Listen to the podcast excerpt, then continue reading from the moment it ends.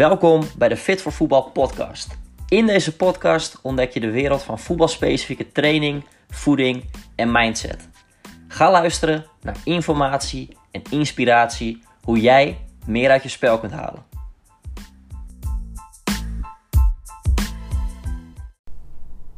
Tof dat je luistert naar weer een nieuwe aflevering van de Fit voor Voetbal podcast. En vandaag gaan we het hebben over doelstellingen. En dat ga ik doen met sportperformance specialist Paul Lammers. Yep. Nou, welkom terug Paul. Ja, zeker. Ehm, een paar afleveringen geleden eh, ja, hadden we het over eh, ja, hoe jouw persoonlijke trainingsplan wordt gemaakt bij Fit voor Voetbal. Ja. Ja, in de komende podcast, in de komende afleveringen gaan we inzoomen op de verschillende doelstellingen en ja, hoe de luisterende voetballer of voetbalster dit kan gaan toepassen. Nou, binnen Fit voor Voetbal eh, hadden we het natuurlijk vorige aflevering ook over. Heb je eigenlijk drie hoofddoelstellingen die je kunt kiezen. Eh, dat is kracht, uh, uithoudingsvermogen en snelheid. Ja. Nou, en als je je aanmeldt, dan kies je ook één doelstelling in de intake. En wat ik ook merk vanuit de online coaching is dat ja, mensen aangeven: ja, ik zou alles wel willen aanpakken, alles tegelijk. Nou, daarin zeggen we eigenlijk altijd van ja, belangrijk om te kiezen. Ja. Want ja, als je alles uh, een beetje doet, dan doe je eigenlijk niks heel goed. Uh, dus ja, vandaar kies er één waar jij je op wil gaan focussen en waar jij de eerste winst uh, ja. op gaat halen. Nou, we beginnen in deze aflevering met duelkracht. Om, om die te bespreken. Ja, wat is jouw, jouw definitie van duelkracht? Wat is duelkracht in, in jouw ogen? Ja, um, nou als ik kijk naar duelkracht en we gaan dat begrip even uit elkaar splitsen dan um, heb je te maken met twee factoren. De context waar de kracht in gedaan moet worden. En dat is in de context van voetbal. En bij voetbal heb je een lichamelijk contact, een contactsport. Dat betekent dat je de kracht moet gaan leveren in een omgeving waarbij ja, een externe factor jou probeert uit balans te brengen. Um, dus je kan zo sterk zijn als je um, bent, maar als jij balans niet goed is en je krijgt een klein tikje, dan val je om. Dus ergens moet je gaan zoeken naar een combinatie van de context waarin het uh, voetbal plaatsvindt met een verstoring die je als het ware kan tegenhouden. En vaak zijn die verstoringen in een korte ja, fasering um, te voelen als, als, als speler of als, of als keeper in dit geval. Um, en dat betekent dat je altijd moet gaan zoeken naar onvoorspelbaarheid in trainingsvormen. En dat kan uh, zijn waar we later op gaan, gaan inzoomen, de, de, de trainingsvormen die je daarvoor kiest. Ja. Dus eigenlijk samengevat is, is duelkracht de kracht die je gaat leveren in een verstorende omgeving. En dat je daarop kan reageren. Dus kracht is altijd in dit geval reactief. Er gebeurt wat, daar moet je op inspelen. Je moet in balans blijven. Dus balans is ook daar een grote factor in. Nou, die, die factor van balans, die kun je zich wel weer uitsplitsen van... oké, okay, sta ik op twee benen? Uh, of sta ik in een looppatroon, dus sta ik op één been? Krijg ik dan die verstoring? En ja, op basis daarvan ga je je oefenstof indelen... qua de duelkracht die wij uh, maken voor jou als uh, programmering binnen Fit voor Voetbal. Ja, ja, ja. ja duidelijk. Uh, ja, dus echt die verstoring tegen ja. kunnen gaan ja, van de weerstand die, die bijvoorbeeld een tegenstander biedt. En daarin in balans blijven. Ja. Klopt, en als ik dat zou moeten vertalen in zeg maar, een mooie quote, dan zie ik dat altijd als coördinatietraining onder weerstand. Je bent altijd cognitief uh, aan het lopen, aan het wenden, aan het keren. En in die coördinatie moet je zeg maar onder weerstand dat kunnen volhouden of uh, creëren. Ja, ja, ja. Nou, die, die coördinatietraining onder weerstand. Uh, ja, hoe kun je dat dan als voetballer of voetbalster aanpakken? Ja. Hoe kun je daaraan werken, zeg maar zelf? Ja, ik denk dat de meest gemaakte fout uh, die er gemaakt is om een langere tijd in een bepaalde houding uh, je romstijfheid op te gaan zoeken. Want eigenlijk als we het hebben over de coördinatietraining onder weerstand richting duelkracht, hebben we te maken met een bepaalde romstijfheid. Je moet je romp als het ware sterk en stijf kunnen houden tegen die verstoringen die uh, onvoorspelbaar op je afkomen.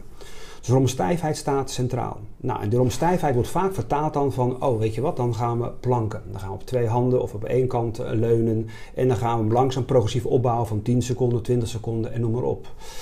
Ik denk dat je daar um, de plank mislaat als je gaat kijken in de context waar juist die romstijfheid gevraagd wordt. In het veld, in een korte situatie. Je weet niet wanneer het gaat gebeuren. En je lijf moet als het ware reageren, reactief, op de verstoring die je krijgt. Bij planken weet je van, oh, ik ga nu in mijn houding liggen en ik ga alles vastzetten die vastgezet moet worden. Nou, ja. die tijd heb je niet in een duelsituatie op het veld. Dan is het kort, short en sweet dat je moet reageren. Dus die romstijfheid moet je gaan zoeken in situaties waarbij die, ja, die romstijfheid gevraagd wordt in een korte situatie. En dat kan zijn, als we het hebben toch over oefenstof, in een gym bijvoorbeeld, een palf press.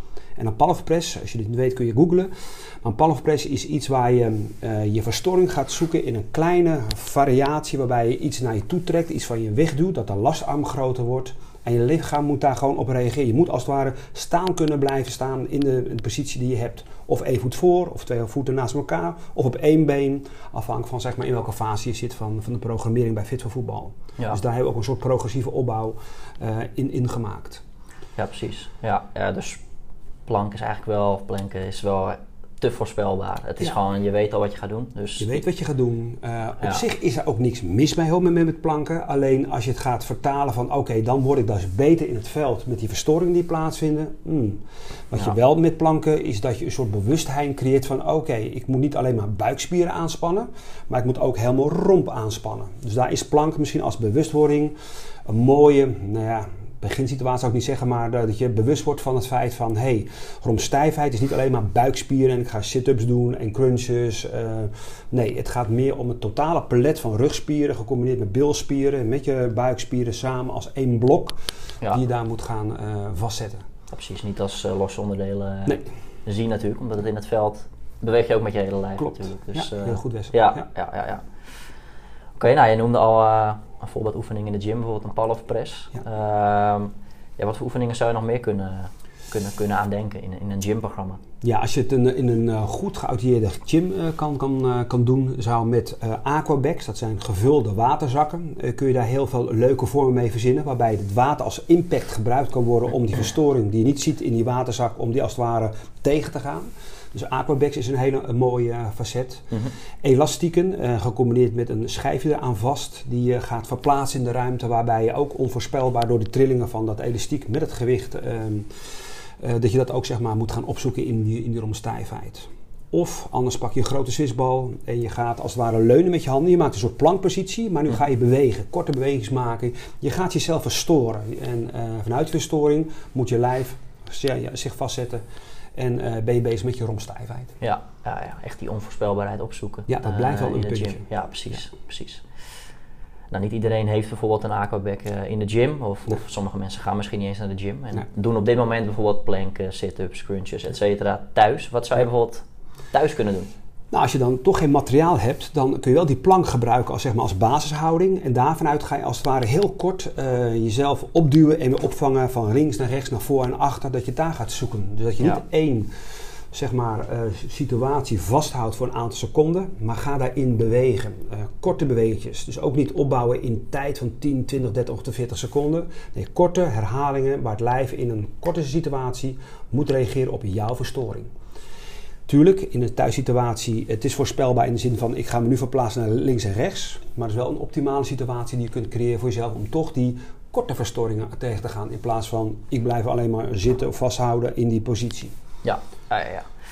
Nou, je gaf net al aan, uh, ja, in een Fit voor voetbalprogramma bouwen we dat natuurlijk ja. progressief op. Uh, ja, aan hoeveel herhalingen of hoeveel rust zou je dan moeten denken? Stel, een voetballer wil daar ja, vanmiddag of, of uh, morgen mee aan de slag. Die hoort dit nu en die denkt waar moet ik dan aan denken? Ja. Um, ja, het kan op verschillende facetten uh, gecreëerd worden. Uh, wat wij vaak doen zijn uh, wat kortere herhalingen met een grote verstoring daarin.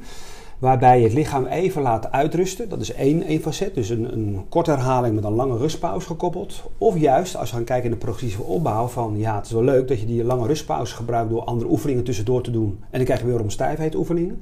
Om te zorgen van dat je een soort, ja, ik noem het een soort voorvermoeidheid creëert. Dus je doet eerst je programma en je laat het aan het einde terugkomen. Ook weer korte herhalingen, maar dat je de vermoeidheid meeneemt. Dus dat de verstoring zeg maar eigenlijk dubbel gaat werken. Je hebt een soort verstoring vanuit je eigen lijf al gecreëerd. Je bent moe en uit die vermoeidheid moet je toch die romstijfheid kunnen creëren in die paar herhalingen die je doet. En dan ga je de pauzes iets wat verkorten. Dus of korte herhalingen, lange pauze. Dan ben je fris, dan kun je mooi verstoren. Of je doet het aan het eind van het programma met die vermoeidheid die je hebt opgebouwd. En ook diezelfde aantal korte herhalingen, vijf tot zes. Kijk, het hoeft ook niet meer te zijn. Het gaat niet om het uithoudingsvermogen in duelkracht, want je bent niet continu met je tegenstander uh, aan het werk. Het zijn vaak juist die korte, kleine stukjes uh, die je moet gaan uh, ja, tegengaan. Ja, precies. Ja, ja, ja. Um, ja, en als je het dan hebt over uh, verschil in positie. Uh, ja. Een keeper heb weer ja. andere duels dan, dan, een, dan een speler natuurlijk. Klopt. Ehm, ja, hoe houden wij hier rekening mee in, in de programmering? Ja, het is grappig, dat je, is heel goed dat je het ook zegt. Ehm, kijk, bij een keeper uh, vindt vaak ook de verstoring plaats als hij in de lucht hangt. Dus hij gaat omhoog, hij krijgt allemaal weerstanden tegen zich. En bij voetbal is dat alleen maar in situatie met een kopduel. En die hebben wat meer zeg maar, met voet op de grond, meer duelkracht zeg maar, in een ground-based omgeving. Terwijl een keeper juist ook in een, zeg maar, een, luchtomgeving zijn romstijfheid moet gaan opzoeken. Nou, hoe kun je dat als een keeper uh, creëren? Is dat je die verstoring onderhaal, uh, onderuit de weg haalt. Dus staan op een boze bal. Boze bal, ja, daar gebruiken we ook zeg maar, in het fit voor voetbal.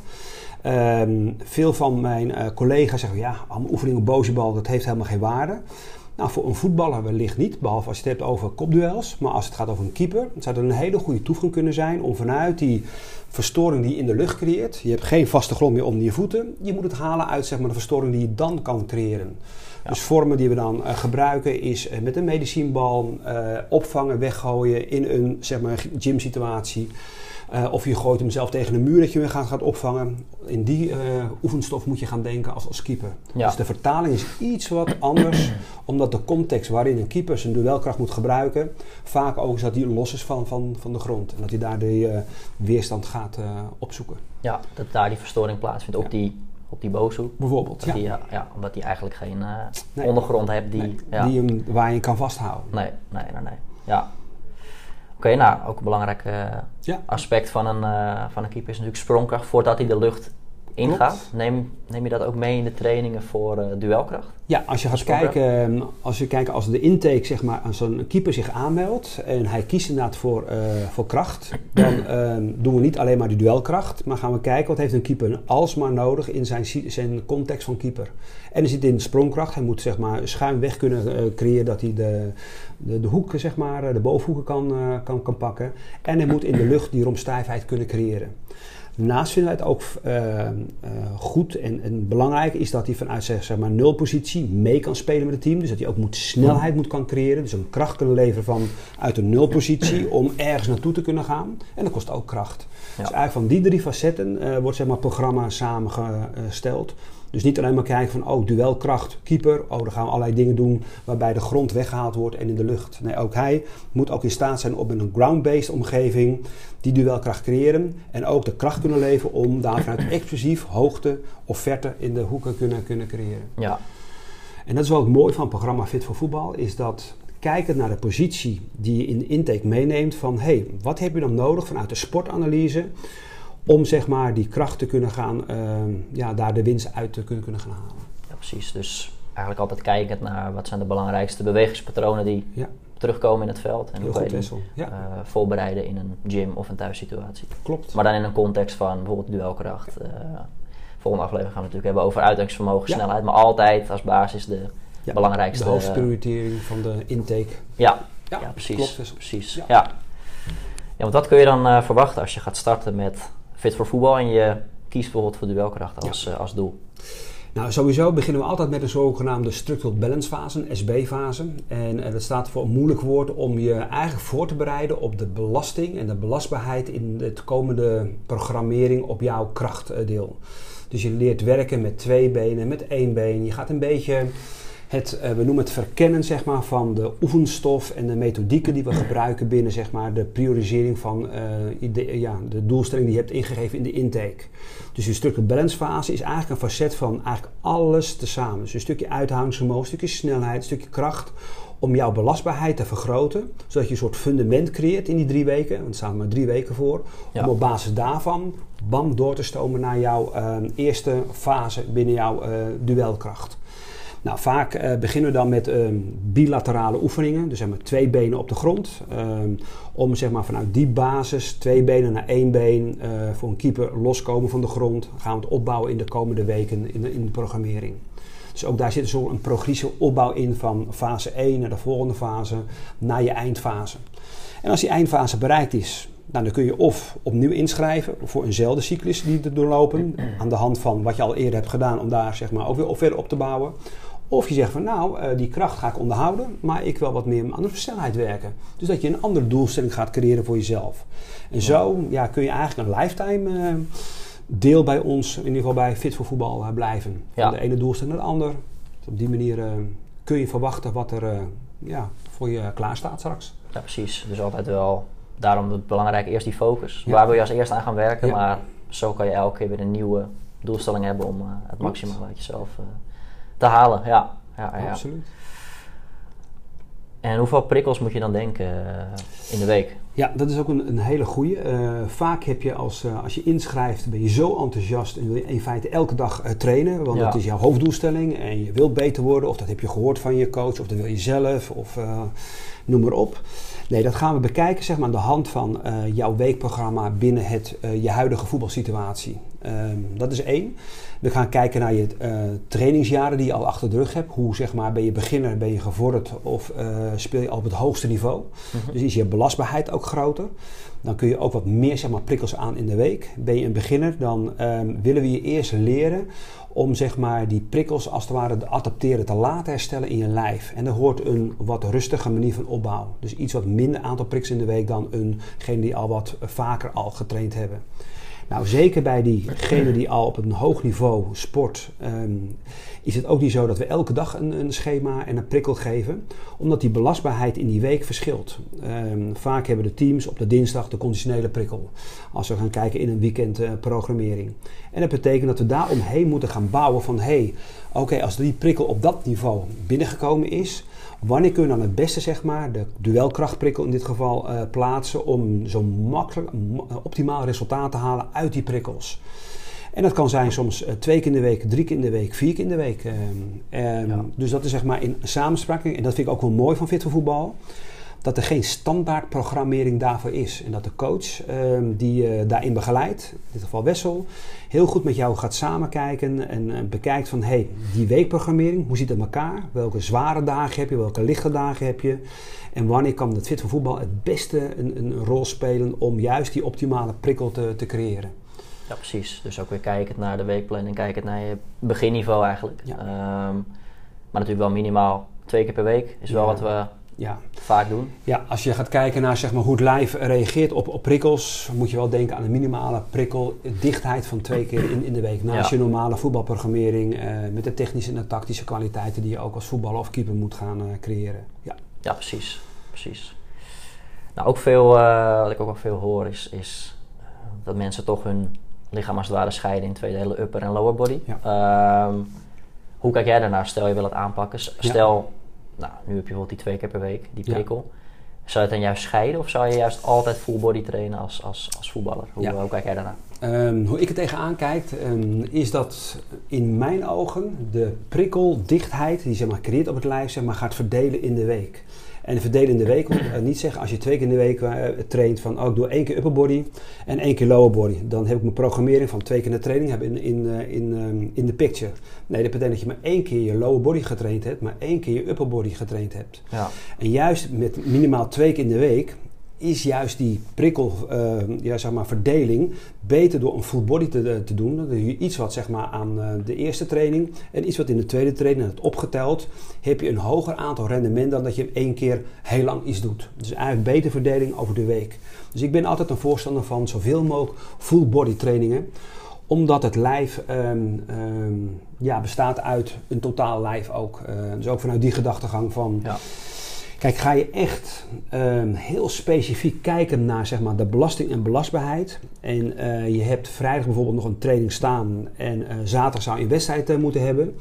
Dan zou ik kiezen van oké, okay, um, de lower body wordt al zeg maar in die wedstrijd al zo vaak geprikkeld. Doe dan iets wat minder lower body op die vrijdag als zaterdag die wedstrijd is. Ja. Dus daarin zou je nog een onderscheid kunnen maken. Oké, okay, dan laat ik die lower body weg en dan doe ik op die vrijdag alleen de upper body. Um, zou nog een overweging kunnen zijn. Kijkend in de context, waar plaats je je training ten opzichte van je wedstrijd die, eh, die komen gaat. Ja. Maar in het algemeen, full body is het meeste, mooiste verdeling over de week om die optimale prikkel te creëren. Want je moet ook zien, hè, als je in één dag alles lower body doet, is dat zeg maar de eerste paar oefeningen, dan heb je de meeste winst omdat je dan fris in bent, de intensiteit is vrij hoog. Maar doordat je vermoeid raakt, kun je die intensiteit niet volhouden over die andere oefeningen.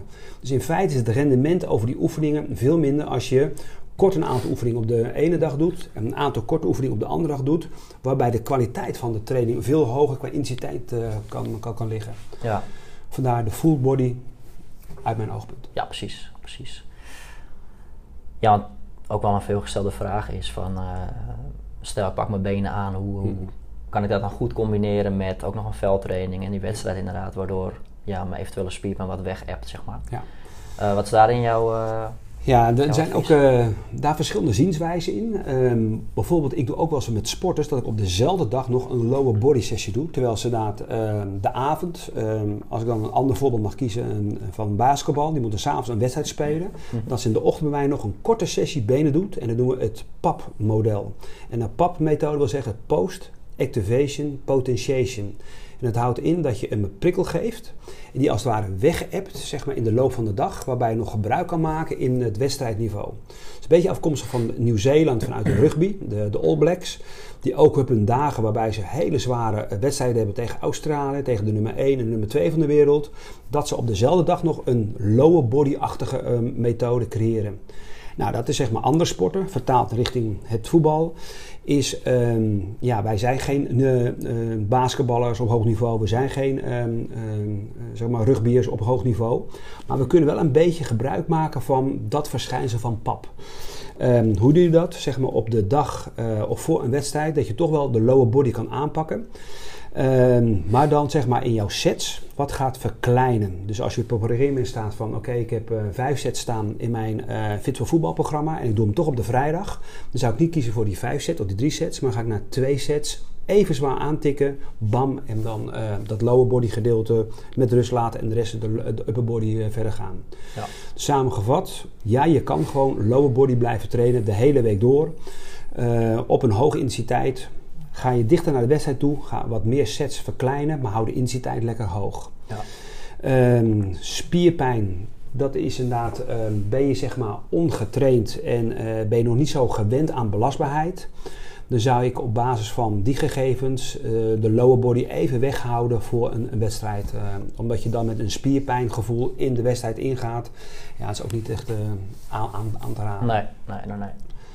Ja, dus eigenlijk, inderdaad samengevat, de zwaardere prikkels begin van de week. Ja. Uh, en zo appt dat weg richting de wedstrijd. Klopt. Ja, ja, ja. Oké, duidelijk. Um, ja, dan hebben we nog een aantal ingestuurde vragen via Leuk. Instagram over duelkracht. Uh, ja. Ik zal er een, eh, een, paar uitpikken. Ja. Um, nou ja, sportschoofoefeningen voor duelkracht. Nou, we hebben het net al over, uh, ja. over gehad natuurlijk. Um, ja, hoe kun je hoger springen? We hadden het net al kort over sprongkracht, maar hoe kun je dit nou echt uh, gaan toepassen? Hoe kun je hoger springen? Nou, hoger springen heeft te maken met jouw power output. Dus met hoeveel vermogen kun je leveren met jouw lichaamsgewicht om los te komen van, van de grond. Nou, power bestaat vaak uh, altijd uit twee grote factoren. De eerste is de F-factor van force, van echt van kracht. Dus dat betekent een, iets zwaars, iets verplaatsen in de ruimte. Dat is de ene kant van eh, de power output om los te kunnen komen van de grond, uh, natuurlijk hoog te kunnen springen. En de tweede is de V van velocity. En velocity staat voor snelheid. Dus dat je kunt accelereren vanuit jouw lichaamsgewicht om om los te komen van de grond uh, met jouw lichaamsmassa die jou de F als het ware voorstelt. Nou, hoe je dat kunt gaan vertalen in, zeg maar, in een uh, gym situatie, is dat je een soort superset, en een superset wil zeggen is dat je twee oefeningen aan elkaar gaat koppelen. Waarbij de eerste oefening de F gaat aanspreken. Dat betekent een, een squat met een best wel redelijk zwaar gewicht, wat je heel veel kracht kost met een aantal lage herhalingen, zo tussen de napak 3 en de 5 herhalingen. Dan ga je direct door naar een volgende oefening, een box of een verhoging of los vanuit de grond. Ga je de V uh, aanspreken, dus je gaat springen, loskomen van de grond. Dat kan staan 3 tot 5 sprongen in de lucht. Of je gaat vanuit de grond naar een box toe springen, waarbij je wel als het ware doorstrekt in de heup. Want daar zie ik nog wel zo vaak een fout uh, ontstaan. Dan hebben ze de goede gedachte. Ik ga een zware squat doen. Ik ga een boxjungs maken. Maar wat ze doen is dat ze heel snel de knieën intrekken. Om ruimte te creëren om op die box te komen. Dan ben je niet echt bezig met je sprongkracht. Maar ben je bezig aan je mobiliteit van je heupgewricht. Hm. Dus echt doorstrekken. Die heupstrekking helemaal door te zetten. Om te landen in een soft omgeving op die bovenste box. Dan creëer je zeg maar een omgeving waar sprongkracht gecreëerd wordt. Maar goed, dan heb ik altijd nog een derde factor bij, omdat die sprongkracht, ja, het is leuk dat je hoog kan springen, maar vaak krijgen die verstoring weer. Dus krijgen weer die, ehm, die extra, zeg maar, levelarm die tegen je aankomt uh, liggen. Dus eigenlijk als derde oefening zou je zeg maar, een losse sprongbeweging met een swissbal die iemand tegen je even heel kort tegen je aandoet. Zodat je leert werken, springen onder een bepaalde weerstand. Dus dan heb je eigenlijk een F van force, van kracht, gecombineerd met de V van accelereren van snelheid, gecombineerd met de context waar het veel in plaatsvindt, namelijk met een, iemand die je tegen je aanduwt of die je uit verstoring wil brengen. Nou, dan heb je een mooie superset of triset die je kunt, kunt creëren voor jezelf. Ja, ja, ja, dus echt die kracht die snelheid en natuurlijk de verstoring en de van... context. Uh, ja, ja, ja, dat zou een mooie combinatie zijn om dat te gaan trainen in, in een gym. Ja, ja, ja. Nee, duidelijk, duidelijk.